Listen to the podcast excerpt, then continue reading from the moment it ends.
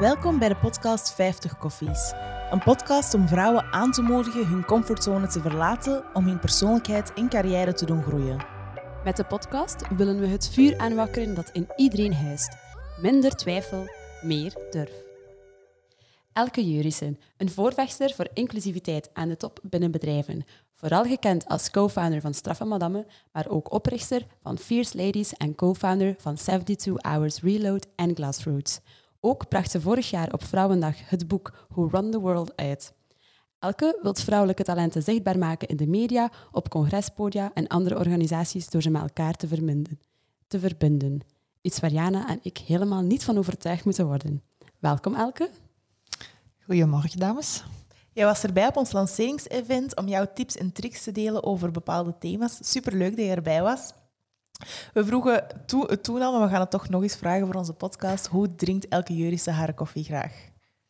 Ah, dat is al jarenlang een cappuccino. Hè. Dat mag eigenlijk een dubbele zijn, vooral s ochtends. Ehm, ik drink eh, een koffie of drie per dag en dan probeer ik toch over te schakelen op thee en water. Ja.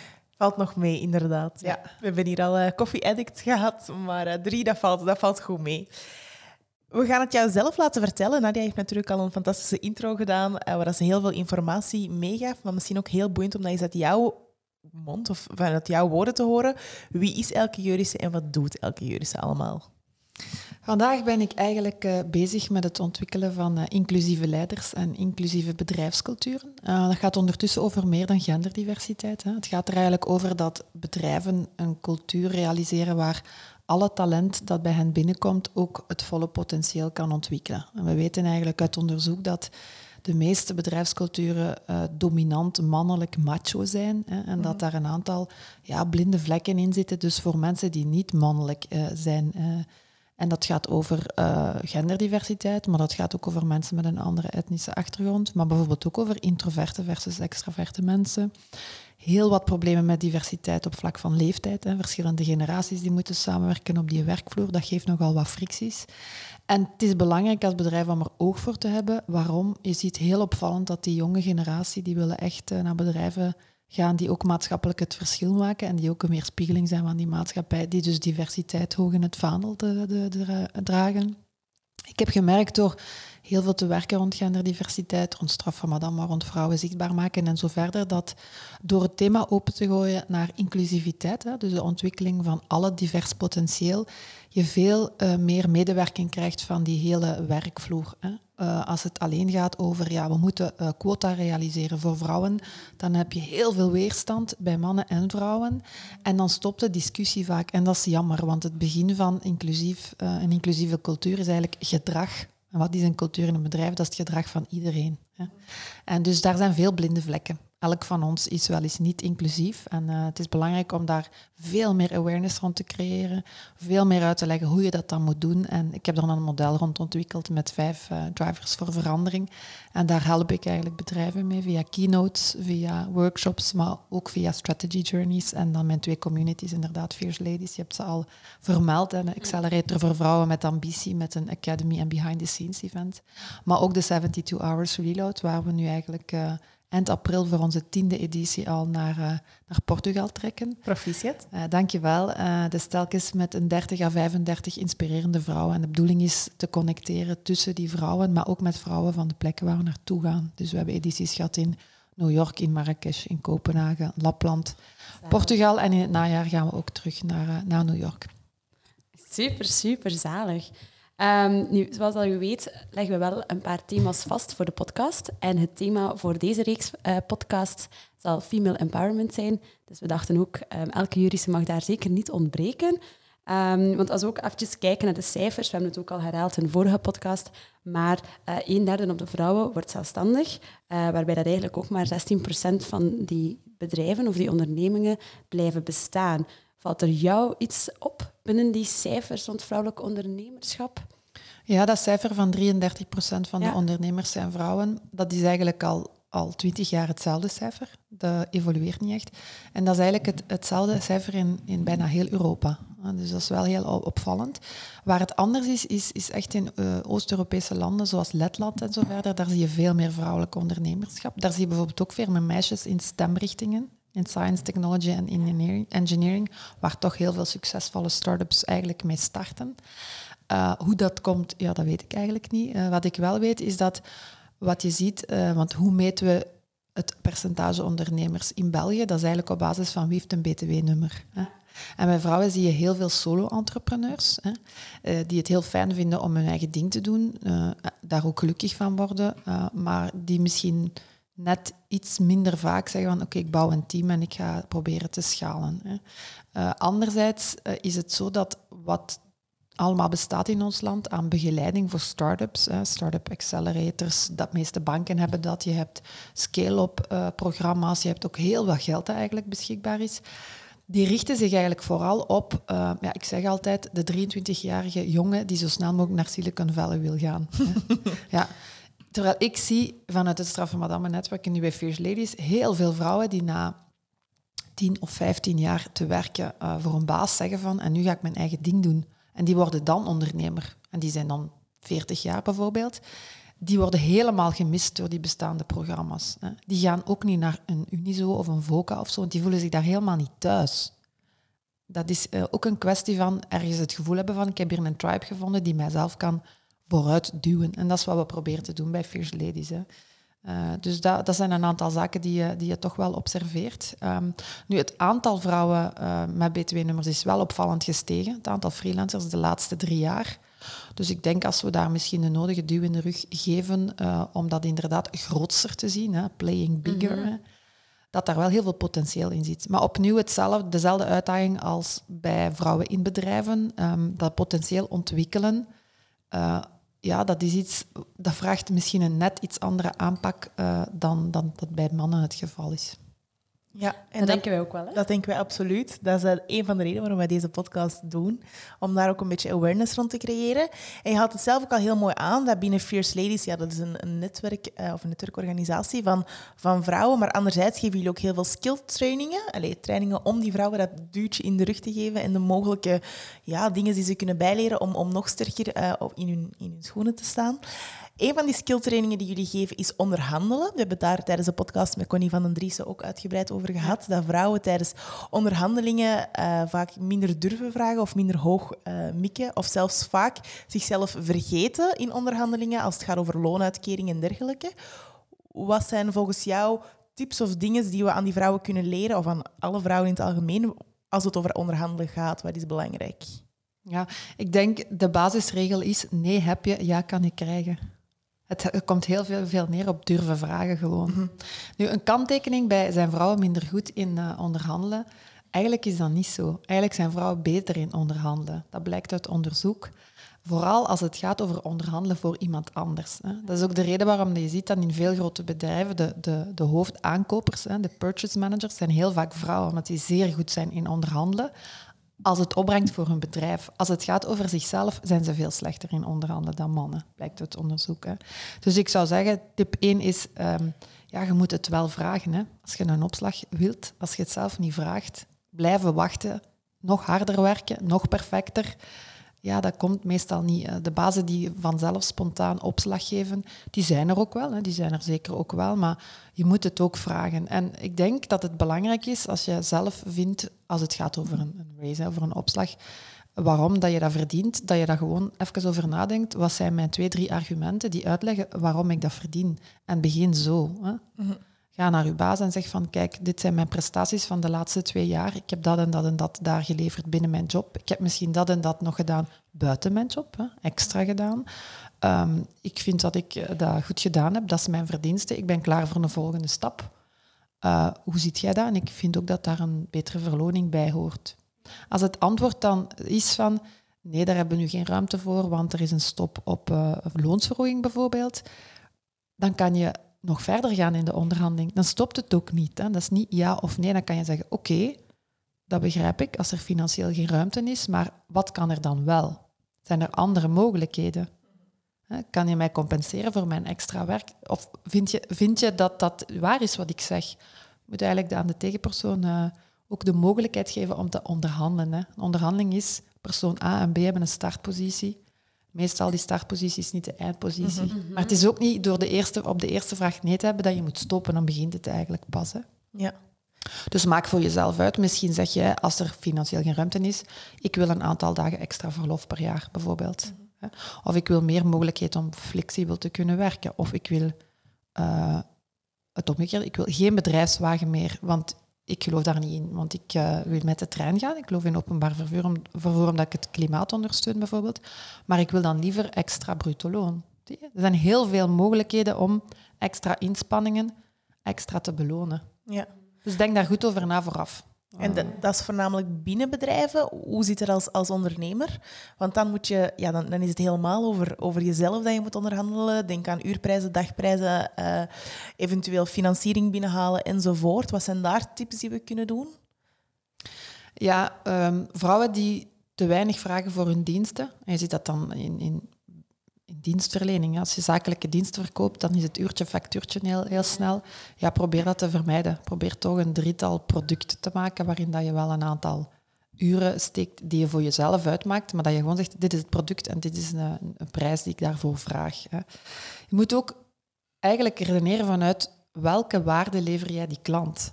Welke behoeften? Ik heb vroeger tien jaar een public affairs bureau gehad. Hè. Wat deden wij? We begeleiden, grote bedrijven met uh, het opbouwen van uh, relaties met de overheid, um, het informeren rond regelgeving en zo verder. Um, ja, dan konden wij de CEO's van onze klanten een meeting beleggen met een bevoegde minister bijvoorbeeld. Dan kan je zeggen van ja, voor u is dat misschien maar een telefoon, want het zit in uw netwerk, zwaar. Hè? Maar ik zeg dan niet, dat is tien minuten, hier is de factuur. Ja. Nee, dat is in een groter geheel van, oké, we gaan een meerjaren samenwerking aan, ook belangrijk, een soort journey-idee. We gaan een aantal lange termijn uh, doelen formuleren en daarbinnen zijn er een aantal tactische acties. Maar de waarde voor die klant is heel anders dan soms de tijd die jij erin steekt. Hè. Iets anders is natuurlijk, probeer diensten te ontwikkelen die je kan repeaten, hè. Die je kan, dat, je kan uh, gaan herhalen en die ook los van jezelf kunnen staan. Um, en ook daar weer, um, als je een prijs... Ik heb ooit van iemand geleerd, als je een offerte maakt en je uh, zegt de prijs en die klant zegt direct, het is goed, dan heb je waarschijnlijk te weinig Als de klant dus niet onderhandelt. nee, je moet, uh, je moet uh, durven wat verder gaan. Als het echt te veel is, zal die klant wel zeggen van oei, dat heb ik niet dan kan je zeggen van oké, wat is wel mogelijk? En dan kan je naar beneden gaan als je dat wil. Maar, um, andersom is het moeilijker, hè? Andersom gaat niet, hè? Nee. Andersom gaat eigenlijk niet. En daar ook, het, het klassieke telefoongesprek is altijd veel beter dan mailen heen en weer en zo verder. Hè? Het is ook door... een onderhandeling uh, is het belangrijk om vragen te stellen. Heel veel vragen te stellen. Van, wat wil jij? Tot wat ben jij bereid? Welke waarden heeft dat voor jou? Wanneer zou dat nog meer waarde kunnen hebben? Zodat je ook weet van, oké, dat zijn eigenlijk ja, de sweet spots zeg maar, van die potentiële klanten waar ik op moet duwen. En dat is misschien helemaal anders dan uw initieel offer. Maar je moet het echt wel vragen. Veel vragen stellen is belangrijk. Mhm. Ja. Ja, het net ook aan, en ik denk dat ik dat het makkelijkste kan terugkoppelen op mezelf. Ik denk dat het heel moeilijk is om, om voor jezelf uit te maken wat je waar bent en waar dat echt goed in zit. Ik denk dat dat, dat, dat nog altijd wel het moeilijkste blijft als ik naar mezelf kijk om te zeggen, daar ben ik echt supergoed in en ik ga ook tegen iedereen zeggen dat ik daar supergoed in ben. Ja, maar jullie kennen wel dat, dat grafiekje van uh, sweet spot is wat dat je goed in bent. En graag doet. Wat dat klanten voor willen betalen. En wat dat je graag doet. Hè. Daar in het midden, dat is eigenlijk hetgeen dat je moet aanbieden. Hè. Ik denk niet dat je zomaar één op één kan zeggen, degenen die het meest succesvol zijn in een bepaalde uh, segment van product of dienstverkoop, die zijn daar ook het beste in. Dat is niet mhm. zo. Die zijn daar niet noodzakelijk het beste in. Die kunnen dat alleen goed vermarkten. Die hebben hun financiën op orde. Die weten wat is de marge van mijn product of van mijn traject. Die gaan voor lange termijn relaties met klanten. Vertrouwen is toch ook nog altijd heel belangrijk. Hè? Dus dat zijn de dingen waarop dat je moet werken. En het is misschien wel een valkuil voor startende ondernemers om altijd maar beter te worden in het product. Ik ga dat nog wat verfijnen, ik ga dat nog wat verbeteren. Mhm. Maar je moet verkopen. Dat is wat dat gaat maken dat je inkomsten gaat hebben. Dus het is beter om een half afgewerkt product al te verkopen. En als het verkocht is, ja, dan zult het wel moeten leveren en dan zult je dat wel doen. Ja. Dus, want dat is veel veiliger om te blijven perfectioneren wat dat je gaat aanbieden, want dan zit je nog altijd in je, Konkon, in je eigen kotte, ja. ja. in je kokonneke. Terwijl naar buiten gaan en verkopen, ja, dan kunnen misschien ook wel horen, nee. Nee, ja, je gaat altijd nee krijgen. Dat is, dat is deel van het leven van een ondernemer. Dat is een keer ja, dat is een keer nee. Maar als iemand nee zegt, kun je zeggen, waarom? Waarom voldoet dat niet aan uw aanbod, aan uw vraag? Is het te duur? Heb je iets anders nodig? Ook weer vragen stellen. Altijd vragen. Probeer van elk verkoopsgesprek gewoon ook dingen te leren. Ook als het nee is. Mensen geven heel graag hun expertise. Vooral als je ze ook aanspreekt op, op hun ego eigenlijk. Hè. Je zegt van, u die zoveel ervaring heeft, wat vindt u daarvan? Ja. Ja. Hoe zou, hoe, zou, hoe zou u het doen? Wat zou u anders doen? Mensen geven eigenlijk graag informatie, maar je moet wel de juiste vragen stellen. Juiste vragen stellen, ja. Klopt, en ik denk dat wij dat eh, een beetje doorheen de weg met de koffies ook eh, aan het leren zijn. De juiste zijn. vragen stellen aan de juiste personen. Nu, Elke, eh, je hebt het net al gezegd, je hebt jouw eigen bureau gehad toen je 29 was. Tien jaar later heb je Glassroots op, eh, op poten gezet. Um, maar je hebt je eind vorig jaar, heb je dat ook eigenlijk stopgezet? Of jij, hebt, jij bent er toch gelid Ja, Glassroots heb ik eigenlijk gestart met uh, Cato Leonard. En We hebben uh, zeven jaar heel fijn samengewerkt. We hebben eigenlijk bedrijven en vooral ook overheden geholpen met, uh, met change-trajecten via stakeholder engagement. Um, Cato zet Glassroots verder. Hè. Maar ik um, ben eigenlijk gestopt met de bulk van de activiteiten. We hebben nog één project dat we samen doen de komende jaren. En dat gaat eigenlijk over uh, het inspireren van meer meisjes naar stemrichtingen. Supergoed. Wat eigenlijk, een, ja. Uh, ja, wat eigenlijk een coalitie is van acht bedrijven die we hebben samengebracht, die eigenlijk een stukje cofinancieren. En waar we een programma aan het uitwerken zijn, zowel in scholen als in bedrijven als on tour. Dat blijven Cato en ik uh, samen ook de komende drie jaar doen, want we hebben dat project voor drie jaar opgezet. Maar uh, eigenlijk nieuwe projecten gaat zij, uh, gaat zij verder eigenlijk trekken. Ik heb eigenlijk beslist om inderdaad mij helemaal te, te smijten zeg maar, op ja, die uitdaging van inclusieve bedrijfsculturen. Waarom vind ik dat zo belangrijk? Door Straffe Madame en First Ladies te doen, zeven jaar. Eigenlijk is dat women empowerment, hè, wat mm dat jullie ook doen. Proficiat trouwens met jullie initiatief. Is heel fijn om zo jonge mensen te zien die zich ook helemaal smijten. Hè. Het delen van ervaringen is heel belangrijk. Hè. Het geven van tips aan elkaar. Dus, dus dat doen jullie denk ik uh, absoluut met de podcast ook. Maar wat ik wilde zeggen is, dat is zeer goed women empowerment, maar het is niet genoeg. Hè. En mm ik zie bij te veel bedrijven of overheden, of eigenlijk de samenleving in de brede zin, als we er een vrouwen-issue van maken, dan zijn we fout bezig. Hè. Mm -hmm. Ja, Meer inclusie is, it's not a women's issue, it's a growth opportunity for society, zeg ik altijd. Hè. En dat betekent dus dat je naast die women empowerment, want ondertussen zijn er veel vrouwennetwerken en ieder vindt wel zijn, zijn ding bij degene die, uh, die interessant zijn.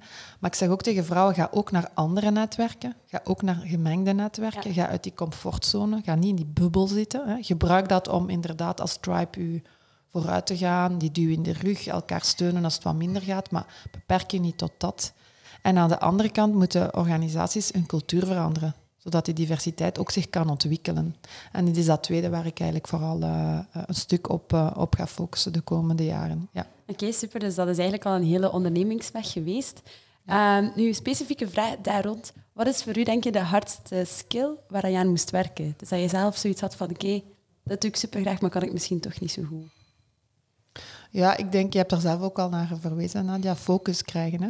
Ja. Dus als je iemand bent die eigenlijk alles graag doet, en alles interesse heeft. Heel herkenbaar voor Nadia en mij. Ja, ja. ja, dat is, ja. Dus ik... veel ondernemers hebben dat. Uh, en dat is wel een beetje een, een valkuil, ja. omdat je dan ook denkt dat je alles zelf moet doen. Terwijl je eigenlijk moet delegeren. Aan de ene kant door um, dingen te automatiseren, wat ik wel ondertussen geleerd heb door het te doen. En dat hoeft niet altijd een delegeren aan een werknemer te zijn. Het kan ook zijn door je processen op punt te stellen en, en te automatiseren, zodat je dat kan, kan bij herhaling goed doen.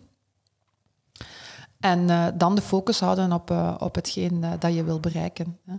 En um, ik ben iemand die veel energie krijgt van het altijd maar heropstarten van nieuwe concepten en zo verder. Um, dat is heel fijn. Ik, ik doe dat graag nieuwe mensen, nieuwe sectoren, dat schrikt mij niet af. Daardoor heb ik ook in heel veel sectoren kunnen rondlopen. Dus die verbinding maken tussen die stilos is daardoor wel mijn sterkte geworden. Hè. Daar bellen mensen mij ook voor.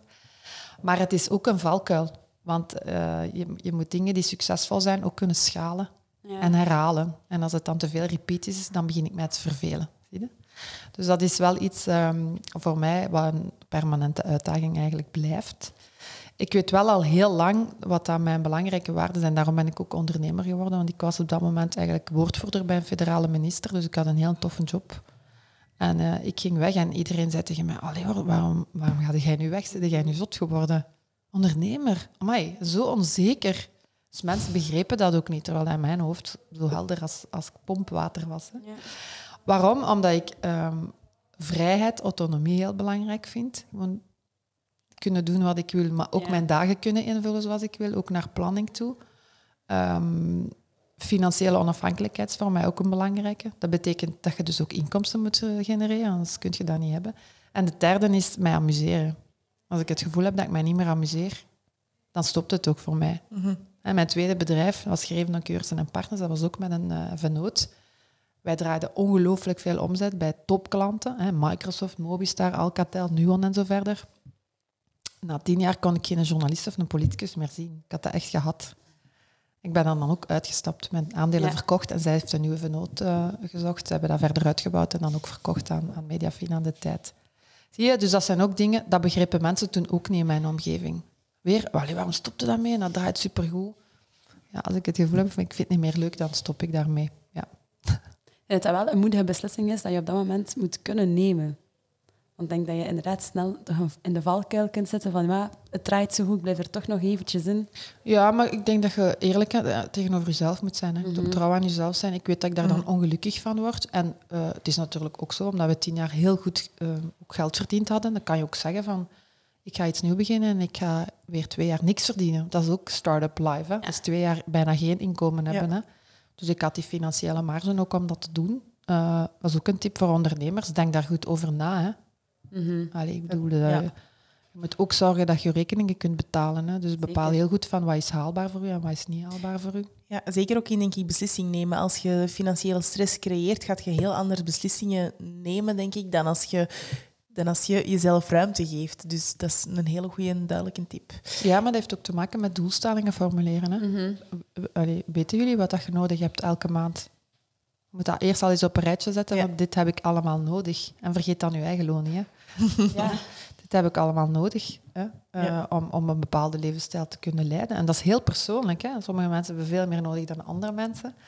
Maar je moet het wel weten. Maar tegenover te kunnen zetten van oké, wat moet ik dan aan inkomsten genereren? Mm.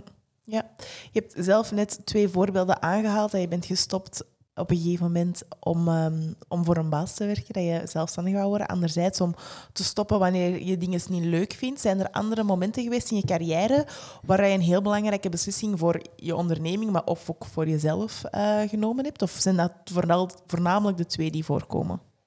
Ja, iets stoppen en dan iets, iets anders beginnen, dat zijn natuurlijk belangrijke momenten. Uh, ik heb wel ook in de jobs die ik daarvoor deed, dus ik heb een tijdje in de reclamesector gewerkt en dan ben ik woordvoerder geweest. Elke keer was de rode draad wel from scratch beginnen eigenlijk. Echt met een wit blad. En dat is de eerste maanden is dat heel erg spartelen. Hè? Dat ze, waar ben ik aan begonnen? Maar goed, ik weet ondertussen dat mij dat ook veel energie geeft. Dus ik zocht dat ook wel op. Dat is wel ook iets, dat is ook persoonlijk, dat moet je ook voor jezelf uitmaken. Als je een persoon bent die, die graag houdt van orde en structuur en, en en heel veel stress krijgt van heel een tijd onverwachte situaties, ja, dan moet je geen ondernemer worden. Nee. Dan is dat gewoon niet in je DNA. Er is helemaal niks mis mee, maar dan, dan ga je veel beter floreren in, in een corporate, in een groter bedrijf, waar dat je vaak een, een, een jobomschrijving hebt die in een hokje zit. Hè. Dat is één bepaald element moet je dan doen, maar je bent wel ondersteund door een hele organisatie. Je hebt gratis trainingen, je hebt u, misschien uw firmawagen onder je gat. Hè dat is allemaal die al in luxe, lijn liggen voor die processen zijn en dan, dan functioneert je in een schakel. Ik wist voor mijzelf dat ik daar niet in, ik kan daar niet in, in opereren. Ik word daar zot van. maar je moet dat weten voor jezelf. Ja. Dat, is heel, dat is heel persoonlijk, denk ik. Ja. Ehm, en dan denk ik ook, uh, gezien het over gaat over vrouwen en ondernemerschap en carrière. Ik ben uh, een eerste eigen bedrijf uh, begonnen één jaar voordat ik zwanger werd. Dus dan ben ik zwanger geworden van, van mijn zoon. Dan had ik één jaar een bedrijf. Um, en ik heb dat eigenlijk altijd allemaal gecombineerd met elkaar. Na drie jaar en een half kwam mijn dochter. Ja, dat is uh, dikwijls chaos, hè. Dat is gewoon zo. Ik heb wel um, een kinderopvang betaald tot de kinderen naar de lagere school gingen. Dat, dat, dat kost geld. Hè. Dus dat is in wat heb je nodig per maand. Ja. Mhm. Een belangrijke kost, maar het geeft u wel vrijheid. Het is wel heel belangrijk. Uh, want je kunt niet tegelijkertijd uh, perfect zijn thuis, perfect zijn op je werk. Uh, daar zie ik toch veel vrouwen mee worstelen. Hè? Die drang naar perfectie, want het moet allemaal perfect zijn. En wel, ik kan u zeggen, het loopt altijd regelmatig in het honderd. dat is fine. fine. Ja. oké. Ja. ja. Oké. Ook iets als kinderen groter worden, om hen ook gewoon uit te leggen. Ja, ja, vandaag hebben we het niet zo goed gedaan. Hè. Vandaag is het misgelopen. Weet je wat? Morgen is er een andere dag. Creëert flexibiliteit bij de volgende generatie ook wel. Ja, ze zijn ook heel vaak gewoon heel, heel kwaad daarover hè, geweest. Het is niet dat dat altijd zo is. Ah, tof mama, ah, morgen is er een nieuwe dag. Zo werkt dat niet. zij, zij willen dat de, de, zaken gaan zoals zij het willen. Of dat zij... Je hebt natuurlijk het, het, praktische verhaal als kinderen nog kleiner zijn, zoals er moet eten op tafel zijn, moet op tijd hun bad hebben en hun huiswerk en zo verder. Ik heb daar dan hulp voor ingeschakeld tot ze zes waren. Dan zijn ze in de kinderopvang gebleven, altijd tot zes uur. Vinden ze dat leuk? Nee, ze vinden dat niet leuk. Ze vonden dat niet leuk, maar goed, ja, dat was zo. Uh, en nu zijn ze puber. Enfin, mijn oudste is nu 18 mhm. ondertussen geworden, uh, onlangs. En nu is dat weer een hele andere fase. Hè? Mm Nu is het bij, met vrienden bezig zijn. En, en uh, ja, het is veel minder dat praktische. Maar het is veel meer het, het, emotionele ondersteunen van, van hun eigen ontwikkeling. Dus dat zijn verschillende fases. En ik zou zeggen, um, laat dat perfectionisme los als je daar last van hebt. Um, maar ook, zorg daar ook voor een netwerk. Hè. Zorg dat je een netwerk uitbouwt dat wat kan ondersteunen als, uh, als er gewoon praktische dingen nodig zijn. Uh, en ja, als het af en toe eens misgaat, ja, dan, dan gaat het mis. En leg ook aan je kinderen uit waarom dat je, dat, wat dat je doet van werk en dat je dat graag doet. Ja. Dat is heel belangrijk. Dat zij, dat zij weten, vooral als ze jong zijn, maar waarom is die hier eigenlijk niet? Mijn moeder of mijn vader, waarom zijn die hier niet? Ah, die zijn gaan werken. Ah, wat is dat dan werk? Ja, dat en dat doe ik in kindertaal. En ik vind dat heel leuk, dat maakt mij gelukkig. Dat klinkt zo heel banaal, maar dat is belangrijk dat je dat uitlegt aan kinderen. Dat ze dat beseffen van. Dus het is niet dat hij mij zo in de steek laat of zo. Nee, die doet iets en die ontwikkelt zich. En vertel, vertel regelmatig daarover. Ja, maar ja, Ik kan me inderdaad ook inbeelden dat je als kind heel snel dan het werken met iets negatiefs uh, vergelijkt. En dat je, dat je oh, weer gaat werken. Ah, het is weer het werk. Maar ik denk inderdaad, als je dat anders um, um, allee, te woord brengt en dat anders vertaalt van ik doe dat echt graag en dat maakt mij gelukkig, dan is dat niet zo, het is gaan werken. Ja. Ik denk dat je dat inderdaad op een heel andere manier interpreteert dan. Ja, ja en, en, en het blijft zo. Ja, je hebt maar zoveel uren in een dag, hè, dus ja. Mm Ja, absoluut. En dan is er ook een partner, hè? Bedoel, als je kinderen hebt, ben je niet de enige ouder. En dan zit je met, uh, met twee ouders, soms met vier zelfs. Ik heb nu ondertussen een samengesteld gezien met vijf kinderen, al tien jaar. Um, dat zijn allemaal meningen. Uh, en dat zijn ook allemaal mensen die een verantwoordelijkheid eigenlijk hebben tegenover hun kinderen. Hè. Dus dat is ook iets... Uh, als je wilt doorgroeien, moet je delegeren. We hebben het er al over gehad. Hè. Maar dat is delegeren niet alleen op het werk, maar ook thuis. Hè. Aan je partner en aan je kinderen. En daar vind ik dat daar nog heel veel werk is. Dat, uh, ik zie nog veel te veel vrouwen die uh, echt topjobs hebben, heel goed zijn in hun werk, maar die blijven ja, zonen opvoeden alsof dat, dat vijfjarigen zijn. Hè. Dat is echt... Mhm. En niet bespreken met partner hoe, dat ze, hoe dat ze zaken organiseren thuis. Ik heb wel de indruk dat die generatie nu, 25 tot 30, dat die daar heel anders in staan. Dat die beide ouders wel een rol willen opnemen. Ook thuis. Dat is wel mooi om te zien. Heb je eigenlijk ooit van buitenaf daar um, andere commentaren of kritiek op gekregen op je manier van opvoeden? Dat je zegt, eigenlijk heb ik altijd uh, iemand in huis gehad en mijn kinderen waren inderdaad altijd um, op de kinderopvang of dergelijke. Heb je het gevoel gehad dat de buitenwereld daar een beetje anders naartoe keek? Ik heb me eigenlijk wel omringd altijd, altijd met mensen die, die ook uh, ambitie hadden. Ah, ja. Die ook carrières maakten. Mm -hmm. En dus dan, dan um, iedereen voelt zich schuldig. Hè? Maar ik bedoel, laat daar geen enkel twijfel over bestaan. Alle ouders die werken fulltime, die voelen zich op bepaalde momenten schuldig. Dat is gewoon... Ja. Is ook eigenlijk niet verkeerd dat je dat gevoel hebt, want dat betekent dat je dat belangrijk vindt, hè, je kinderen en de opvoeding. Um, dus ja, ik, ik denk dat dat niet zozeer naar opvoeding toe, maar wel naar uh, waarom maakt jij je leven zo moeilijk? moet dat nu allemaal? Moet dat nu al die ambitie zo? En dat is wel iets dat veel vrouwen wel horen. Hè? Dat is ook wel iets van, allee, waarom, of uw man die verdient toch genoeg, hij gaat toch parttime werken, je hebt nu twee kleinkinderen, is toch veel simpeler. Ja. Mhm. Fantastische uitspraak, zoiets. Ja. Kijk, mijn haar gaat ervan recht Ja, maar dat gebeurt nog heel, heel veel. Er gebeurt nog heel veel. En um, ja, daarom ook Charles Sandberg. Ik zag dat je Lean In aan het lezen bent, uh, Nadia, het boek van, uh, van nummer twee van Facebook. Ja, die, die zegt dat ook. Hè. Een van de belangrijkste keuzes in een carrière, ondernemer of niet-ondernemer, is de keuze van de partner van uw man of vrouw, hè, wat het dan ook is, um, steun je elkaar. Hè, geef je elkaar de ruimte om die ambitie te ontwikkelen. Niet alleen mentaal, maar ook in de praktijk. Want soms zie ik dan eh, mannen op een netwerkevent of zo. En die zeggen, ja, elke, mijn vrouw die moet echt een keer komen naar de First Ladies of die moet eens mee op reload, want die is echt die is zo goed, hè, maar die, ja, die ontwikkelt haar potentieel niet. Die zou echt moeten gaan voor de next level en zo. En dan zeg ik altijd hetzelfde. Dan zeg ik, ja, super tof dat jij je vrouw zo ondersteunt. Ik zeg, wat doet je dan in de praktijk? Mhm. Ja, ik zeg het daar, ik zeg het daar heel de tijd. Hè. Zeg, maar wat doet je praktisch in de organisatie van je gezin?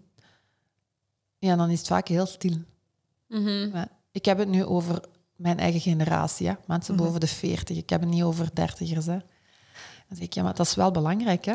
Je kunt mentaal wel steun geven, maar in de praktijk moet alles wel gerund worden. En uw vrouw moet niet de CEO van het gezin zijn, hè, wat de facto vaak zo is. Uh, neem dat dan, verdeel dat dan en dan komt daar ook ruimte om dat te gaan ontwikkelen.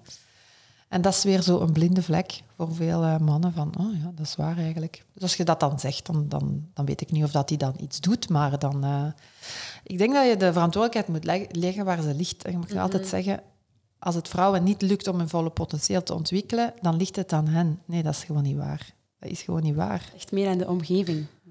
Ja, ik, doe zo, ik heb zo een workshop in bedrijven waar ik een oefening doe rond het ontwikkelen van je volle potentieel. En dan laat ik hen ehm, remmen en versnellingen benoemen. Accelerating en blocking factors.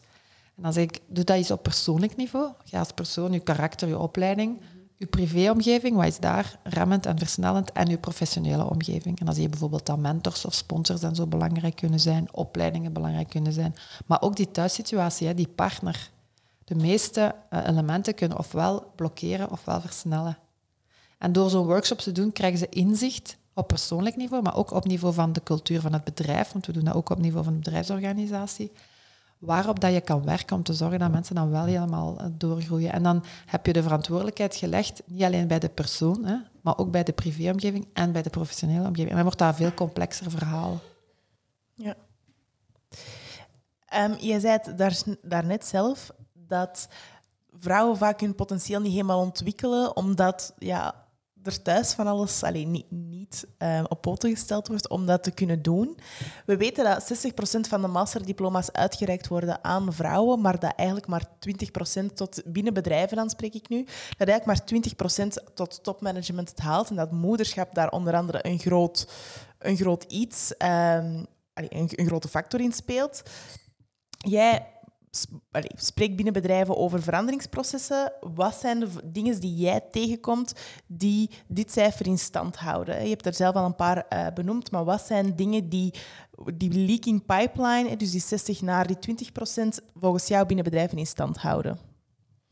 Ja, ik denk dat je kijkt naar hoe ontwikkelt je het volle potentieel van iedereen in je organisatie, want dat is de doelstelling, daarom mm. moet je het doen.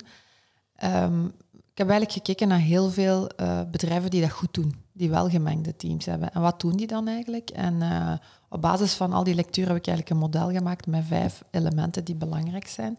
En een van die elementen is uh, de instroom, hè, de recrutering en de selectie van talenten. Of dat nu is op, op junior level of op mid-level, dat maakt niet zoveel uit. Hoe gaat dat? Wat voor teksten en taal gebruik je in uh, advertenties, bijvoorbeeld voor recrutering? Hoe ziet je employer branding eruit? Herkennen mensen zich daarin, die divers zijn, of zijn er altijd dezelfde beelden? Uh, welke kanalen gebruik je bijvoorbeeld? Maar ook de mensen die in promotierondes uh, nieuwe personen moeten benoemen, zijn dat gemengde teams? Wie zijn dat? Zit daar misschien ook een bias in? Dat is ook bijvoorbeeld belangrijk. Um, een van de zaken die heel belangrijk is voor bedrijven is, heb je een proces waar je ervoor zorgt dat alle mensen in je organisatie heel regelmatig hun ambitie moeten uitspreken. Bedrijven die dat hebben, daar heb je betere cijfers naar diversiteit. En dan gaat het niet alleen over het gender, maar ook over ethnicity, eh, taal, mensen met een beperking en zo verder. Um, omdat jij mensen dan eigenlijk verplicht om dat te zeggen. De dominante cultuur is vaak van, ja, degenen die het echt willen, die gaan het wel komen zeggen. Hè. Dus degenen die luid zijn, extravert zijn, goed kunnen netwerken, goed lobbyen intern bij de juiste mensen, hè, hun zegje gaan doen, die hebben meer kans op promotie. Dat is vaak zo. Dat is mhm. vaak de dominante cultuur. Alleen is het allemaal uh, onzichtbaar. Dat is, dat is de manier van doen, zonder dat het benoemd wordt. Hè. En dus als je dan de conclusie maakt van degenen die niet luid, extravert, goed lobbyen en netwerken, ja, die hebben dan een nadeel. Maar dat betekent niet dat die minder ambitie hebben of minder leiderschapspotentieel. Dus je moet een proces hebben waarin dat je dat regelmatig mensen laat zeggen. Een inclusief proces ook trouwens. Hè. Geen women-only uh, proces, want dan zijn we weer fout bezig. Um, dus dat is belangrijk. Uh, flexibele werkcultuur is bijvoorbeeld ook een hele belangrijke. Ja. Um, het oude model, als we het dan hebben over bedrijfscultuur, is ervan uitgaan dat de beste werknemer degene is die 24/7 werkt en die thuis iemand heeft die al de rest regelt. Terwijl de realiteit vandaag, dat zijn dual careers. Mm -hmm. Dual carrières zijn eigenlijk de norm geworden. Um, eigenlijk is het nog diverser. Uh, je hebt mensen die met twee voor een carrière gaan, maar je hebt ook een enorme groei in uh, alleenstaande ouders bijvoorbeeld. Mensen die alleen kinderen opvoeden, dat is nog een heel andere combinatie. En bijvoorbeeld mensen die co-ouderschap hebben. Er zijn heel wat echtscheidingen. Een cijfer dat daalt ook niet voorlopig. En daar zie je ook dat ouders zeggen van, de week dat ik mijn kinderen heb, wil ik iets minder uren draaien. De week dat ze er niet zijn, wil ik meer werken. En sommige bedrijven faciliteren dat ook. Hè? Met goede afspraken natuurlijk over ja. wat is de job. Hè? De, de, resultaten moeten er uiteraard wel, wel liggen. Maar het gaat eigenlijk over vanuit je cultuur ook gaan kijken naar die totale persoon. Niet alleen die persoon op het werk, maar die persoon als persoon. En dat gaat dan ook over de privéomgeving. Dus dat zijn wel zaken die, uh, die een belangrijke rol spelen. Um, wat nog een belangrijke is, misschien een derde tip, dat is eigenlijk uh, het belang van sponsorprogramma's. Hè? Dus uh, bedrijven hebben mentoring of sponsoring programs. Wat is dat? De mentor is eigenlijk iemand um, die je krijgt toegewezen in een organisatie die je alle vragen kan stellen. Hè? Alle vragen die je hebt over het bedrijf, doorgroeien, mogelijkheden en zo verder. En dan ligt het initiatief bij jezelf hè, om dat te doen. Een sponsor is eigenlijk iemand die over jou praat als je niet in de room bent. Dus dat is eigenlijk iemand die gaat zeggen tegen jou van... Uh, zeg Jana, uh, jij bent volgens mij een geschikte kandidaat binnen twee jaar voor die rol, maar die en die skills die moet je nog wat ontwikkelen. Of je bent niet visibel genoeg bij de die of de die. Je moet dat echt een keer doen en een keer gaan uitleggen wat dat je eigenlijk doet. Of je moet wat meer credits oppakken. Ja. Um, dus die eigenlijk heel bewust gaat zien van, je hebt het potentieel, maar er zijn een aantal zaken die je moet doen om dat te ontwikkelen. En dat initiatief ligt bij die sponsor. Mm. En wat zie je uit academisch onderzoek? Um, ik heb in het najaar zo'n master gedaan rond uh, gender diversity bij INSEAD. Hè. Dus een van de dingen die ik daaruit meenam is um, dat minorities, dus de mensen die in de minderheid zijn in een organisatie, die zijn overmentored en undersponsored. Mm. Dus je krijgt heel veel mentoren en eigenlijk zeg je dan, Allee, doe het nu maar. Hè. Je mag alle vragen stellen die je wilt en dat ligt allemaal bij u weer. Terwijl bij een sponsor is het het systeem dat u eigenlijk meeneemt. Dat is eigenlijk de essentie. Hm. Ja, belangrijk. Mij, ja. Ik denk dat inderdaad dat dat alles verandert op de werkvloer. ik kan me dat inbeelden als ik uh, zelf ook werkte op... Uh, en ik heb één jaar als grafisch designer ook ergens gewerkt. En um, toen merkten wij als vrouwen heel erg een groot verschil tussen hoe dat er gecommuniceerd werd met de mannen en hoe de mannen heel luid en naar boven klommen. Um, dat op een gegeven moment wij als vrouwentafeltje eigenlijk niet per se allee, expres samengesteld als alleen vrouwen aan de tafel, maar dat je heel erg merkte van als iedereen onze tafel passeert, wordt er eigenlijk niks gezegd. Passeren ze de mannentafels, wordt er heel uit geroepen en heel uit uh, proficiat gewenst voor bepaalde taken die ze wel of niet hadden gedaan. En je merkte heel hard van oei, als je dat ook hoort, voelt je je daar automatisch er wat kleiner door waar je nog minder gaat zeggen waar je goed in bent, of nog minder je, je stem gaat verheffen, of, of je daartussen gaat gaan wringen. Want het is heel duidelijk dat er daar een heel grote, uh, een mhm. heel grote kans tussen zit. Ja. Ja. Blijkbaar is het um, de tipping point om een cultuur te veranderen in een groep is 30 procent. Dus als je een minderheid bent, uh, als je met 30 procent van die minderheid aanwezig bent, dan verandert de cultuur eigenlijk pas. Mm. En dus um, als het gaat over gender, doorstroom, is vaak uh, het probleem uh, inderdaad dat doorstromen. Hè? Die cijfers waar je daar vernoemd hebt uh, daar straks. Um, dus niet in entry level, hè? het recruteren van jongens en meisjes en zo. In nee. heel veel sectoren is dat heel gelijklopend. in advocatuur en in geneeskunde zijn er meer meisjes. In ICT is het natuurlijk minder. Hè? Mm -hmm. Dus daar zit het echt die lekkende pijplijn rond de leeftijd van 30. Als het gaat over ethnic diversity, daar zit echt het probleem bij de instroom al. Ja. Daar zit daar het probleem van. We krijgen niet genoeg mensen met een andere achtergrond binnen. Dus dan moet je daarop werken. Dus dat is ook voor elk bedrijf verschillend. Hè. Ik begeleid nu bijvoorbeeld een, een heel groot IT-bedrijf. We hebben die als uitdaging. Op vijf jaar tijd is het aantal mensen die jonger dan 29 zijn bij hen gegroeid tot 50% van heel de populatie. En die zien op de werkvloer problemen met omgaan met mensen van 50. Die hebben een andere manier van mhm. communiceren, verwachtingen. En dus dat wringt gewoon. Dat is daar dan de, de uitdaging. Dus verschillende vormen van diversity zit je op verschillende plekken. En je hebt ook verschillende oplossingen nodig. Maar het gaat eigenlijk altijd over ja, luisteren naar de anderen. Hè. Mhm. Vragen stellen. Hoe is dat voor u? En je bewust zijn van je eigen bias, van je eigen blinde, blinde vlekken eigenlijk. Ja, we hebben het er ook eventjes met, eh, met Vera Smets over gehad. En die vertelde dat um, bijvoorbeeld in de banksector, dat zijn nu allemaal wat mannen op eh, latere leeftijd, uh, die dat eigenlijk binnen vijf à zes jaar op pensioen gaan. Waarbij dat de jongeren eigenlijk kunnen nek liggen te hijgen en weten, ah, binnen vijf jaar zijn die op pensioen. Hoe sneller dan die weg zijn, hoe sneller dat ik de functie kan overnemen. En dat dat blijkbaar heel, uh, dat, dat, dat, dat wel lastig is voor die mannen of, of, of, vrouwen op die functie, die dat wel zeggen, wij voelen heel hard die jongeren ons opzij duwen en er alles aan doen om ons eigenlijk zo snel mogelijk weg te krijgen om ons plaats in te pakken. Omdat wij inderdaad binnen vijf à zes jaar op pensioen gaan en dat dat voor hen ook voor heel veel uh, ja, druk zorgt, want ze willen het nog wel goed blijven doen, maar ze voelen dat de jongeren zo aan het opkomen zijn tegenover hen. En blijkbaar is dat ook heel moeilijk. Maar ik denk dat zij juist hetzelfde deden toen zij jongeren waren. Waarschijnlijk. Ik denk dat dat een normaal proces is in elk bedrijf. Dan komen nieuwe generaties uh, aan. En, uh, maar je moet ze wel kunnen laten samenwerken. Hè. Mm -hmm. Je ziet dat vooral in teams, middelmanagement level en zo, geeft dat heel veel frictie naar communicatie. Ja.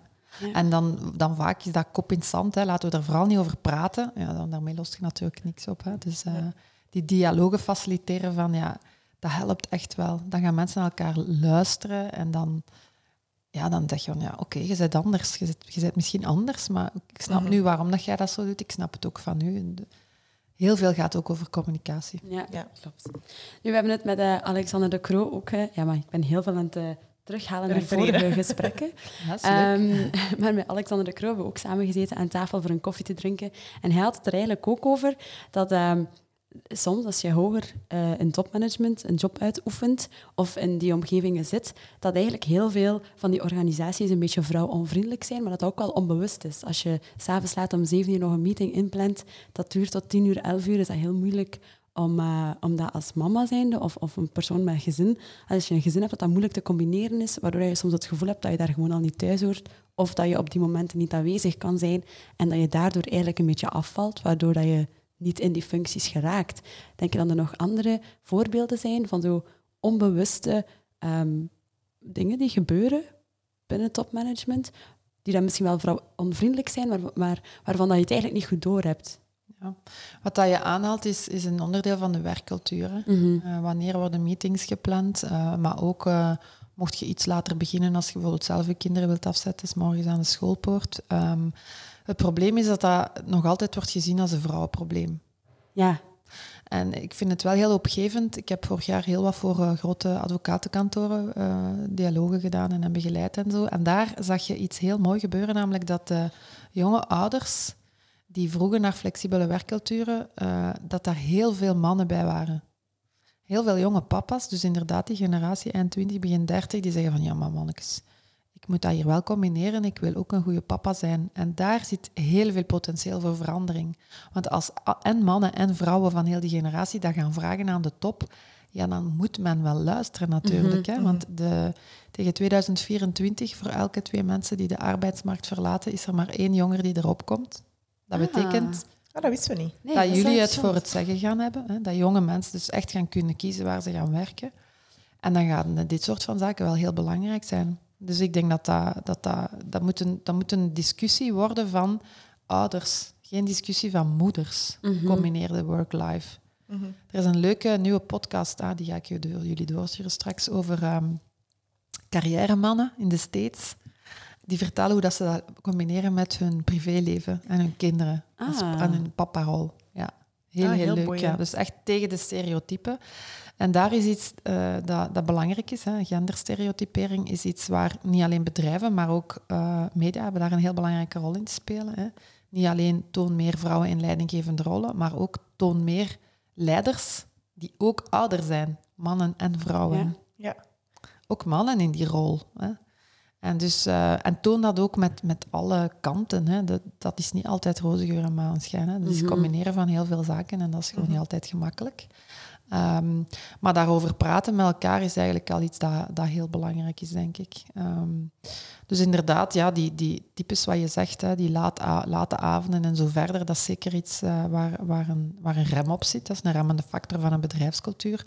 Wat dat je soms ziet in uh, mannelijke B2B-bedrijven, is dat die bijvoorbeeld de, de events voor de klanten, de hospitality events, dat is dan allemaal of naar de voetbal gaan of naar de koers gaan, of de heel mannelijke zaken bijvoorbeeld, ehm, waar uh, de meeste vrouwen zich niet thuis voelen. Niet alle vrouwen, want ik ken ook veel vrouwelijke voetbalfans, dus ja. dat, wil ik zeker niet stereotyp in zijn. Maar dat zijn zo van die onbewuste zaken die toch wel belangrijk zijn. Het gebrek aan rolmodellen in bedrijven is ook iets dat belangrijk mm. is. You can't be what you can't see, dat is in het Engels. Mm.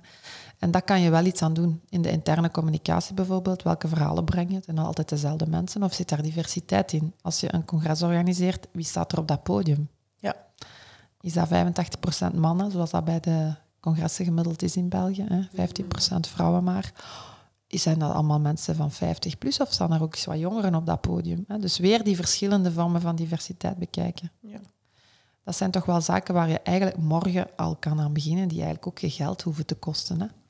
Sommige mensen gaan zelfs zo ver dat mannen dan, als ze uitgenodigd worden voor een uh, conferentie of een panelgesprek, en het zijn alleen mannen die zeggen, maar, dan komen wij niet. Alexander de Croo is er een voorbeeld van, inderdaad. All-male panels, hashtag all-male panels. Heel leuk. Over heel de wereld zijn er heel veel all-male panels, nog altijd. Dus je kan die ook daar posten, uh, zodat dat bekender wordt. En, ehm, ja, dat zijn eigenlijk zaken die inderdaad, zoals ik zei, alleen de stap kosten, hè, maar geen geld verder en ook geen inspanningen. Je kan eigenlijk instant gaan invoeren. Dus uh, dat is wel belangrijk. Die rolmodellen, uh, mensen tonen, uh, dat lijkt me wel een belangrijk. We hebben voor, ah, sorry. Wat bijvoorbeeld Torres um, heel, heel leuk aanpakt. Uh, uiteraard is dat een zeer goed, staat bekend om een zeer goede werkgever te zijn. Um, maar die zorgt eigenlijk dat iedereen binnen zijn urenpakket een halve dag vrij kan nemen binnen de week. En dat je zelf mag kiezen wanneer je die een halve dag inzet. Zo zijn jongeren vaak degene die hem op vrijdagmiddag bijvoorbeeld nemen, die nog geen gezin hebben. Maar dan bijvoorbeeld mensen met een gezin die hem op woensdagnamiddag nemen. Om dan tijd met hun kinderen uh, door te brengen. En ik vond dat een enorm mooi initiatief om, om daar flexibel mee om te gaan. Ik weet dat dat niet voor elk bedrijf haalbaar is, financieel. Maar ja, ik vind dat onder andere een heel tof idee om, om met werknemers om te gaan. Ja, ik heb uh, de ronde tafel in New York gehad. Uh, dat was, uh, als ik me niet vergis, was het Culture Trip. En zij voorzien eigenlijk een paar dagen, of die zijn verplicht om een paar dagen op te nemen door de week, dan ze mogen spenderen aan vrijwilligerswerk. En ze mogen zelf kiezen voor welk vrijwilligerswerk dat ze doen. Maar dat eigenlijk die dagen en die uren wel betaald worden door het bedrijf. Dus dat eigenlijk op die manier iedereen ook iets kon teruggeven en iets doen wat ze dan super graag doen, of een, of een, allee, een, een goed doel waar ze volledig achter staan en daar een tijd te, te, spenderen. Ik denk dat dat vier weken op een jaar was. Ja. En ze mogen zelf kiezen ja, waar, je ziet, uh, je ziet wel wat grote bedrijven die dat ondertussen ook doen. Hè. Die twee of drie dagen uh, per jaar mensen vrijwilligerswerk laten doen um, binnen, een, binnen een betaalde regime eigenlijk. Dus uh, ja, dat is, dat, is, dat is een heel mooi initiatief. Ik denk wel dat we niet mogen doorslaan naar de, naar de overflexibilisering. Hè. Als je een bedrijf mm -hmm. runt, moet natuurlijk ook wel mensen hebben die werken.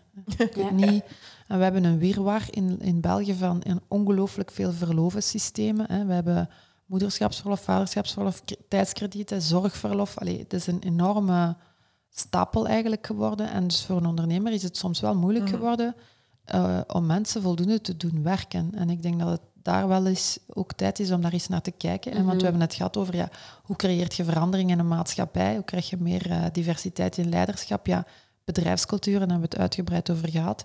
Rol van media in genderstereotypering. Maar de rol van de overheid is eigenlijk de derde rol. Ja. En die zou er moeten voor zorgen dat er, dat er regulering is, wetgeving is, die eigenlijk dat ondersteunt, hè? Mm dat mhm. inclusief leiderschap, en daar geen rem op is. Hè? En dan denk ik, zijn er twee um, ja, concrete suggesties of zaken om op te werken. Eén, kijk eens naar heel dat verlovensysteem.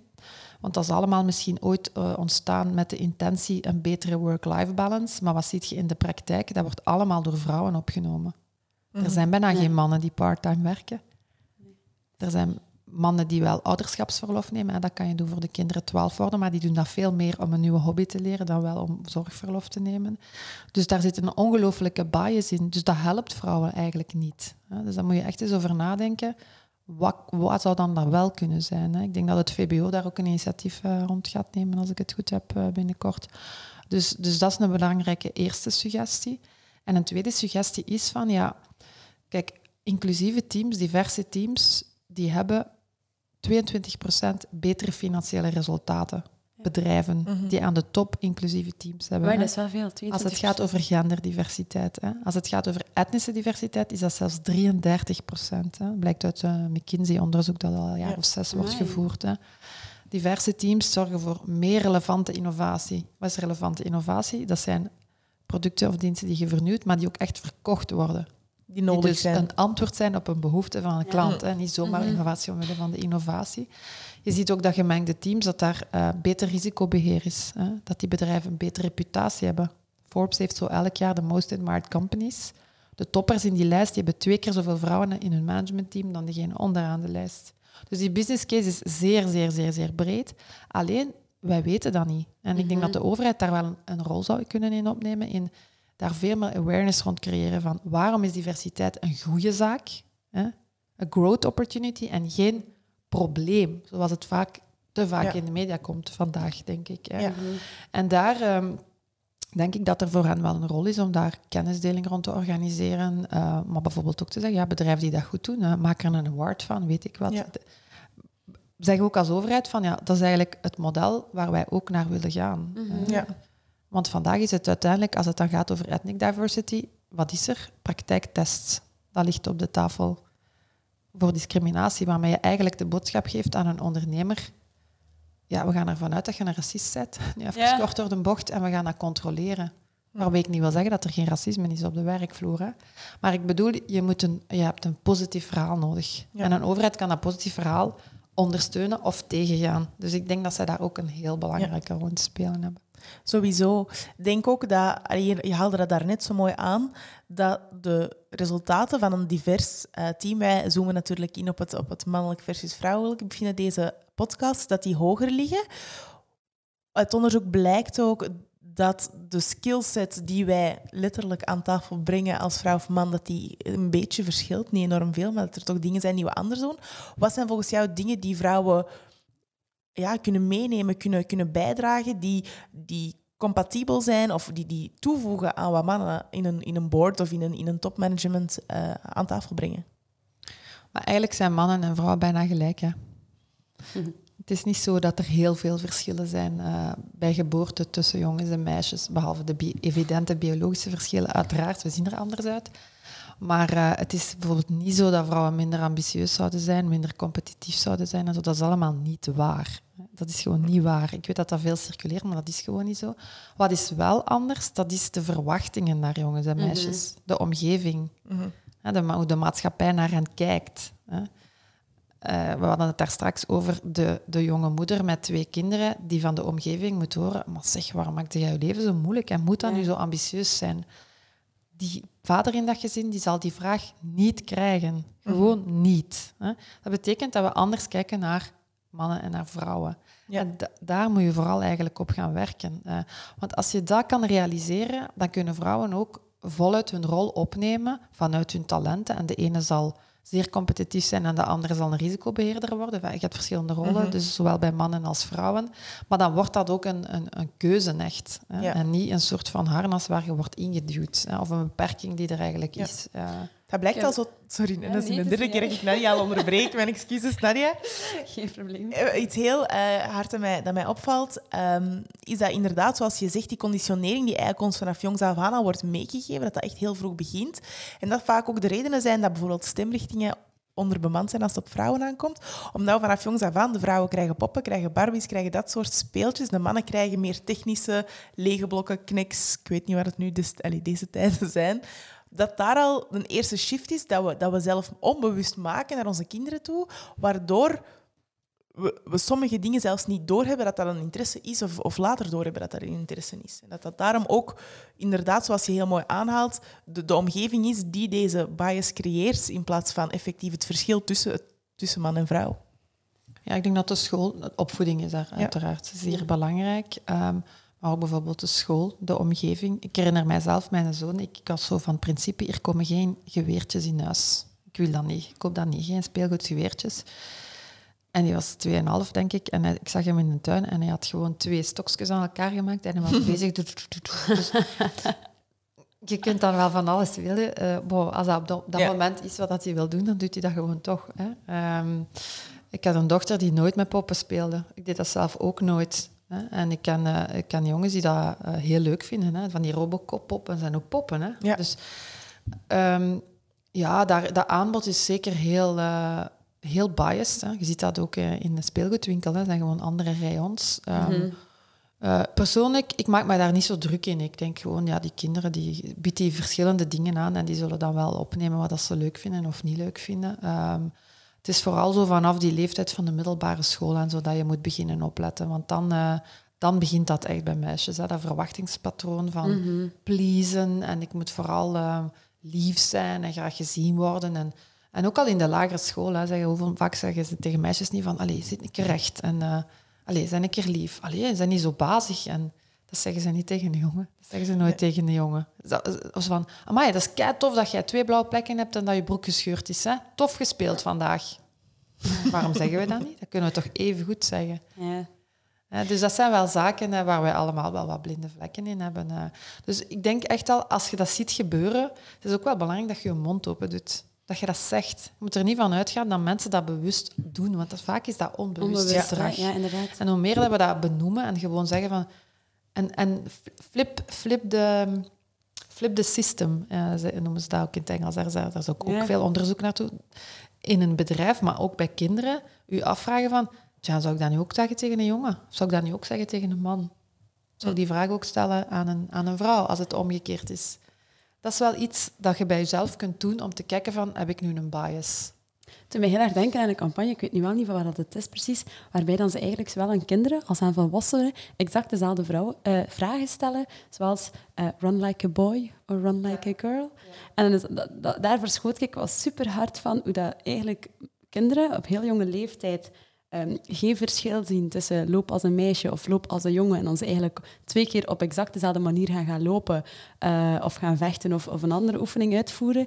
En dat vanaf dat je dat vraagt aan oudere of volwassene mensen om hetzelfde te doen, geven ze eigenlijk altijd een hele flauwe versie als ze zeggen loop als een meisje en dan een hele brute, agressieve versie als ze vragen loop als een jongen. En als ik daar naar keek, dan dacht ik, amai, dat is al heel bruut. En daardoor heb ik maar die terugkoppeling gemaakt van, dat is echt zo.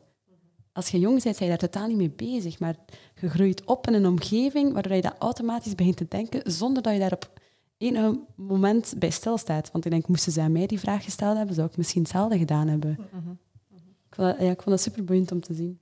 Ja. Ehm, we hebben het nu al eventjes gehad rond ondernemerschap, zowel als um, vrouwelijke ondernemers, mannelijke ondernemers, als um, aan de, binnen top functies uh, binnen bedrijven. Laten we het eventjes hebben over leiderschap nu. Um, zowel professioneel als persoonlijk eigenlijk. Want Elke, hoe ziet bij jou een dag of een werkweek eruit? Wat is voor jou, um, hoe verloopt een dag bij jou? ik heb ook ouderschap, dus dat hangt gewoon een beetje vanaf wie er allemaal in huis is al, om te beginnen. uh, Maar idealiter uh, word ik wakker en neem ik eerst een koffie en doe ik dan 20 à 30 minuutjes yoga. Dat lukt mij één op twee à drie dagen, laat ons zeggen. Ik maak tijd voor ontbijt, altijd, met de kinderen. Ik vind dat heel belangrijk. Ik vind ook de lekkerste maaltijd van de dag zelf. Dus, uh, en dan vertrekt iedereen hè, naar de bus of de fiets of de auto of whatever. En dan verloopt de dag eigenlijk heel verschillend van week tot week. Dat kunnen meetings zijn, dat kan thuiswerk zijn, dat kan op de baan zijn, dat kan sales zijn, dat kan mm nieuwe projecten ontwikkelen zijn. Dat is eigenlijk heel verschillend. Ehm, ik probeer er wel voor te zorgen dat ik beweeg. Dus als ik een hele dag bureauwerk heb, wat ik bijvoorbeeld doe, is al mijn telefoons rondlopen. Als ik bel met iemand, dan loop ik bijvoorbeeld heel de tijd rond. Uh, veel koffie ook. Vooral in de voormiddag uh, en namiddag wat thee. Um, en dan hangt het echt af van de dag. Ik kan, uh, het kan zijn dat ik van vijf tot zes of zeven of zo met kinderen bezig ben en dan s'avonds terug begin te werken. Of dat kan zijn dat ik doorwerk. Uh, ik heb één à twee dagen per week ook avondactiviteiten. Dat is echt wel deel van mijn, uh, van mijn leven, van mijn job. Het zij omdat ik zelf keynotes ga geven op een uh, congres. Het zij omdat ik naar een leuke lancering ga, uh, zoals ik bij jullie was onlangs. en, en daar hoor ik dan wel eens van de kinderen, want zeg, moet jij nu weer al weg? Ja, dus dat wordt wel vaak gezegd. En als je dan thuis zit, dan zitten ze toch op hun kamer. Dus ja, ik kan er ook niet, ik heb er ook niet veel van. Um, en ik ga wel op tijd in mijn bed, ja. Voor elf uur toch wel bij voorkeur. Ja. Ik heb echt wel acht uur slaap nodig. Als ik te weinig slaap, word ik heel kribbig. Ik al gemerkt. ik kook ook bijna elke avond. Ah. Ik vind dat heel rustgevend. Uh, en ik vind dat ook lekker verzeten. Dus uh, dat doe ik wel, ja. Oké. Ja, jij spreekt over diversiteit, over bedrijven die moeten blijven ontwikkelen, blijven groeien. Wat doet elke jurische om zich te blijven ontwikkelen als ondernemer of als persoon? Ik lees heel veel boeken. Heel veel boeken, zowel fictie als non-fictie. Veel Engelstalig eigenlijk ook. Ehm, ik doe veel social media ook. Ik vind dat je daar ook... Dat is ook een bron van inspiratie, vind ik. Als je het mhm. goed gebruikt, als je je wilt verdiepen in een bepaald thema, dan zoek je gewoon die een hashtag en dan vind je al snel interessante literatuur en zo. Dus uh, dat doe ik wel. Ah, ik lees altijd elke avond ook trouwens. Mijn uh, dagroutine sowieso lees ik s'avonds nog. Ehm, en ik heb het geluk dat ik altijd heel veel nieuwe mensen ontmoet. Uit heel veel verschillende achtergronden. We waren nu onlangs op 72 Hours Reload in Lapland. En uh, daar waren twee professoren bij, daar waren marketeers bij, daar waren HR-people bij, coaches, advocaten. Uh, iemand van een groot consultingbedrijf, iemand met een eigen onderneming van 200 mensen. Dus heel, heel uiteenlopend. En het is door te praten met die mensen. ik vraag altijd naar waarom doe jij wat je doet. Hè? Niet mhm. wat doet je, maar why. Krijg je gewoon altijd heel interessante tips. En zo leer ik eigenlijk continu bij. Uh, dus dat is, dat, is een, dat is een gecreëerde situatie natuurlijk, maar dat is wel heel, uh, dat is wel heel fijn. Ja. ja. Je hebt het een paar voorbeelden al aangehaald. Buiten je persoonlijke ontwikkeling is work-life balance, je gezond blijven voelen, je sterk in je vel blijven voelen ook belangrijk. Ondanks dat jij een heel onregelmatig schema hebt waar je vaak s'avonds nog eventen hebt of naar Lapland gaat bijvoorbeeld, wat zijn voor jou key rules die je in je eigen leven implementeert die zorgen dat je die balans kan houden? Op zondag de agenda samenleggen. En zien van hoe gaan we dat deze week weer organiseren. Dat is, mijn man heeft ook een uh, veel eisende job. Uh, en met al die kinderen is dat soms wel pittig, vooral toen ze nog wat kleiner waren. En dan uh, go with the flow. Hè. Proberen zoveel mogelijk te plannen. Hè. Dus aan de ene kant een planmatige aanpak op zondag van hoe gaan we waar organiseren. Moeten we hulplijnen inroepen van andere mensen of transport of taxis of whatever. Ik bedoel dan niet een echte taxi, maar mensen. Naar sportactiviteiten en zo, uh, dat goed plannen. En aan de andere kant gaat er vaak wel wat mis. Dus toch ook de mindset hebben van, ja, go with the flow. Ja, oké, okay, gaan we dat dan oplossen? Dan doen we dat zomaar. Ja. Dat heb ik wel moeten leren. Dat is er niet van in het begin natuurlijk. In het begin uh, was ik een uberplanner en een uberperfectionist. En werd ik dus ook heel ongelukkig als er zaken misliepen. Uh, maar dat, dat moet je op een gegeven moment echt loslaten, anders word je heel ongelukkig. Ja. ja. Ik heb dat zelf ook uh, afgelopen twee jaar heel hard aan gewerkt. Dat ik heel hard mezelf kan opfokken als er iets misliep, omdat ik het niet volgens plan kon laten verlopen. En dat maakte dat ik vaak heel de dag een beetje dat opgefokt gevoel meenam. Terwijl ik nu de reflectie snel, sneller maak en probeer instant te maken van het is wat het is de situatie heeft zich voorgedaan of ik mij er nu druk in maak of niet druk in maak, blijft hetzelfde, maar mijn gemoed verandert wel. Dus inderdaad, die flexibiliteit, dat is iets waar je aan moet werken, maar dat kan je wel heel je dag of zelfs je week uh, beïnvloeden, denk ik, qua mindset. En wat ik, wat ik heel lang geleden al uh, beseft heb, toen, ongeveer rond mijn dertigste, toen ik pas uh, voor de eerste keer mama was, is een keer een lijstje maken, kan ik iedereen aanraden van um, wat zijn de zaken die je energie geven en wat zijn de zaken die energie nemen voor u. Dat is ook persoonlijk. En dat kan gaan over activiteiten, sommige mensen tanken energie van boeken lezen, anderen, gaan marathons lopen. nog anderen gaan gewoon in het bos even de stilte opzoeken. Dat, dat is, maar, weet dat voor jezelf. Het kan ook over mensen gaan. Welke mensen geven nu altijd stress en welke laden nu op? Uh, dat kan over plaatsen gaan, plekken. als je bijvoorbeeld in een, in een office space zit met heel veel mensen en dat geeft veel lawaai, dat kan heel veel stress veroorzaken voor u als je dat niet graag hebt. En maak gewoon eens echt die lijst en probeer daar dan eens in te schrappen al die zaken die aan de kant staan, van dat zijn energievreters. Ook mensen.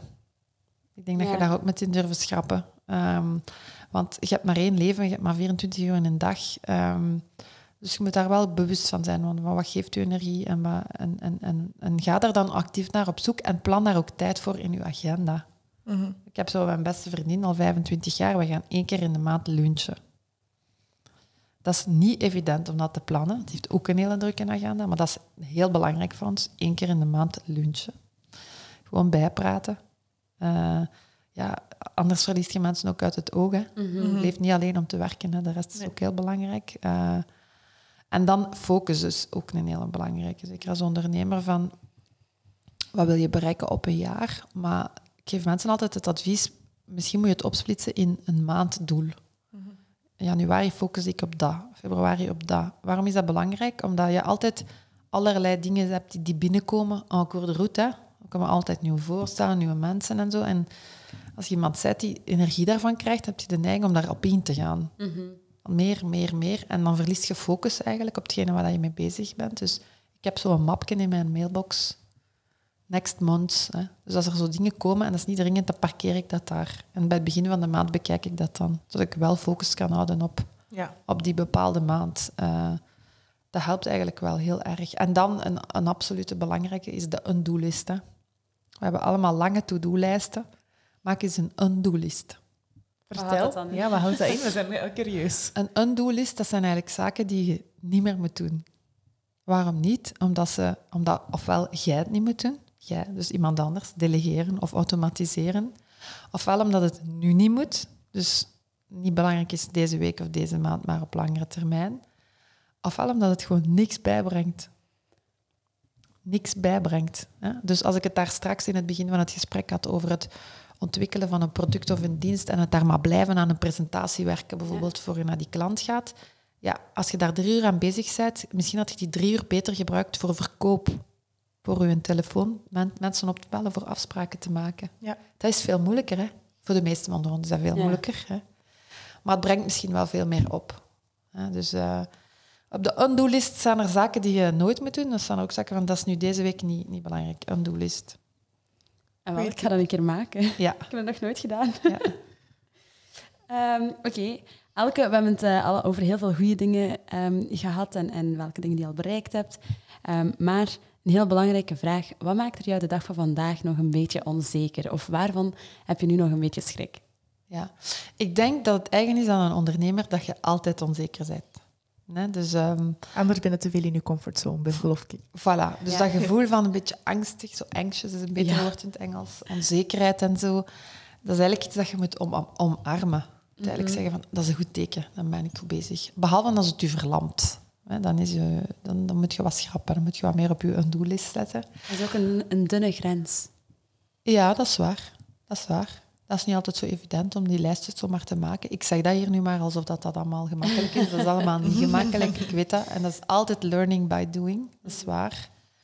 Ehm, en dat is ook persoonlijk. Hè. Als je iemand bent die, die echt niet functioneert met die onzekerheid, ja, dan moet je gewoon iets anders gaan doen. Ik denk, onzekerheid en ondernemen, dat gaat altijd samen. Dat is gewoon inherent aan elkaar. Ehm, ja, ik heb een vraag gekregen om, eh, om eh, binnenkort te spreken eh, in New York. Mijn model te gaan uitleggen rond inclusief leiderschap. in de Belgische delegatie die daar naar de Women Top van de UN gaat. Ja, dat is toch wel even van oei. Oei. Dat is nog even eh, een, een ander level. Dus dan, dan ben ik... Ik ben niet angstig, maar ik ben wel anxious. Ik denk van oké, dat moet wel goed zijn. Dan moet ik eh, toch weer wat meer uit mijn comfortzone komen. Maar dat is heel goed, want dat soort van vragen stuwen je ook vooruit en doen je ook groeien. Hè.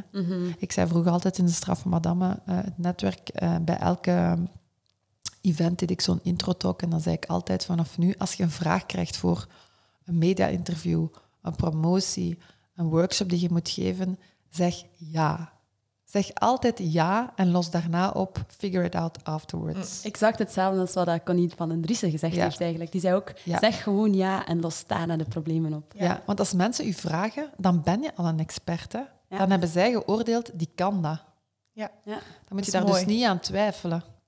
En is dat dan een beetje angstaanjagend? Ja, maar zeg ja. Dus ik probeer mijn advies dat ik al zoveel jaar geef ook zelf toe te passen. Dus ik heb dan ook direct ja gezegd. Fantastisch. Het klinkt heel, eh, heel spannend, maar uh, waanzinnig boeiend.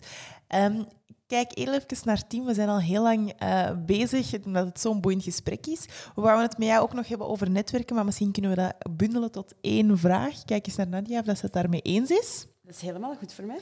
En dan zou ik jou willen vragen, ja, netwerken. Je hebt een netwerk, ja, Tribe, uh, Fierce Ladies, uh, gaat een deel over netwerken. Anderzijds, als ik aan elke jurische denk, dan denk ik ook aan een krachtige netwerkster. Wat zijn tips, rode draden, dingen die jij doet, dat jij kan meegeven um, aan onze luisteraars als het gaat over netwerken? Ja, ik denk, ik doe dat dus al 25 jaar. Hè. Het is niet zo dat dat uit de lucht valt, hè, een netwerk. Um, nee. Het was hard work. Um, ik heb het altijd heel veel gedaan. Um, vind ik het altijd leuk? Nee, ik vind het niet altijd leuk. Hè. Ik denk dat er een paar zaken belangrijk zijn. Het eerste is, als je naar een network-event gaat, ga niet alleen naar de vrouwennetwerken. Hè. Dat heb ik daar straks al gezegd. Dus ga naar verschillende mhm. netwerken.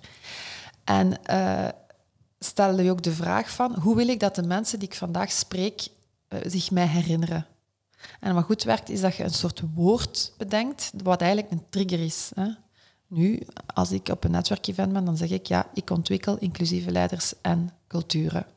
Dan wil ik dat mensen die misschien binnen drie jaar zeggen van wij moeten werk maken van diversity en inclusion, dat die de trigger hebben, ah, daarvoor kan ik naar Elke bellen. Mhm.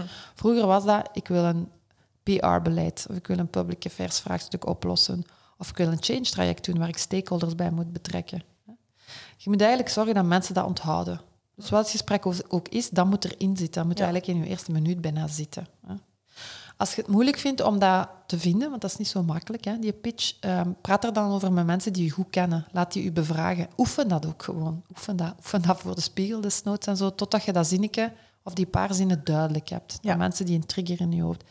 Dat is het eerste. Het tweede is eigenlijk, netwerken is niet alleen het moment dat je daar bent, maar is ook ervoor en erna. Als je op voorhand kunt weten wie gaat er allemaal zijn, kun je zeggen, die personen die wil ik zien. Mm Omdat je daar partnership mee opzetten of omdat je zegt van ja, die wil ik leren kennen, whatever the reason. Hè. Uh, probeer het dan te doen. En achteraf ook, voeg ze toe op LinkedIn, uh, met een persoonlijk berichtje, uh, zodat je dat continu in stand eigenlijk houdt. Dat is belangrijk. En offline netwerken is één ding, maar online netwerken is iets anders. En LinkedIn is een zeer goed netwerk daarvoor. Hè. Ja, ja, absoluut. wat betekent dat als je daar regelmatig dingen post met de juiste hashtags en zo, maar dat kennen jullie allemaal beter dan ik. dat je ook weer die trigger, eigenlijk moet je die trigger eigenlijk installeren van voor dat en dat topic kan ik die persoon bellen. Ja. Dat is eigenlijk belangrijk. En dan de derde um, tip is, ja, netwerk is in de eerste plaats geven. In de eerste plaats is dat geven, is dat niet vragen. Mhm. Dat is de fout die veel van mensen maken. Dus je moet eerst geven, dat betekent dat je zegt, ik ben de expert in dat, dat je ook al een tip of zo meegeeft in dat gesprek. Zodat mensen ook zien van, ah, die is echt expert in dat. Ja. Dus mij iets geleerd vandaag dat ik onthoud. Ja. Zie je? Dus zo moet je, zo moet je er eigenlijk uh, in staan. En ik ging uh, vroeger uh, veel naar netwerkevents, um, waar ik zei van, die drie mensen wil ik zien. Ik ging dan binnen, ik ging daar naartoe en ik ging terug weg. Je moet ook niet blijven hangen tot de laatste. Dat hoeft mhm. helemaal niet. Nee. Goeie plek, vierde tip aan een receptie, is de in- en de uitgang. daar passeert iedereen. iedereen. Dat is waar. ja. Ja. En de vijfde tip misschien, als je zelf op een netwerkevent bent, stel mensen aan elkaar voor. Dat heb ik altijd heel veel gedaan. Als je mensen die elkaar niet kennen, altijd aan elkaar voorstellen, want dan ben jij de connector. Ja. Dan verbind je mensen. Ja. Dat is veel makkelijker als je wordt voorgesteld aan iemand dan dat je zelf moet zeggen, ik ben. Ja, ja, dat is ook zo. Voilà, dat zijn de tips. Heel bruikbaar, kunnen we zeker iets mee doen. Ja, en, uh, inderdaad. Ik denk ook, uh, misschien nog de aller, allerlaatste tip, is dat je nooit iets kunt verliezen. Hè. Zoals je daarnet al, uh, ook al even meldde. Je kan gewoon niets verliezen als je gaat gaan netwerken. Je hebt sowieso al niets, dus ja, Je gaat binnen en je kent niemand en je hebt niks. Dus het ergste dat kan gebeuren is dat je naar buiten gaat en dat je nog niet meer... Maar goed, als je daar twee uur zit en je zegt niks, dat is echt wel... dan had je twee Peter twee iets anders gedaan. Misschien cold calling gedaan. Of cold calling bijvoorbeeld, inderdaad. Oké, Elke, super bedankt om erbij te zijn op de podcast. Uh, Graag gedaan. Ik vond het echt een super boeiend gesprek en uh, ik denk dat we alweer heel veel hebben bijgeleerd zelfs. Super bedankt daarvoor. Graag gedaan en heel veel succes met jullie initiatief ook. Ik vind het trouwens heel fijn dat jullie uh, in de tips niet alleen vrouwen interviewen, maar ook mannen. En ik denk dat de podcast ook zeer nuttig is, ook voor mannen trouwens, voor alle ondernemers. Dus mooi initiatief, proficiat. Dat is een bewuste keuze dat we overal 50-50 doen. Dat we niet alleen maar met vrouwen of niet alleen maar met mannen aan, aan, tafel zitten. Inclusief. inclusief. Ja, ik wou net zeggen, inclusiviteit is alle partijen betrekken en ons niet focussen op één. Dat is heel belangrijk. Super. Dan, Dank je wel. zien we, ja, zien we je nog wel. ja. Dank je wel. Tot ziens. Dag.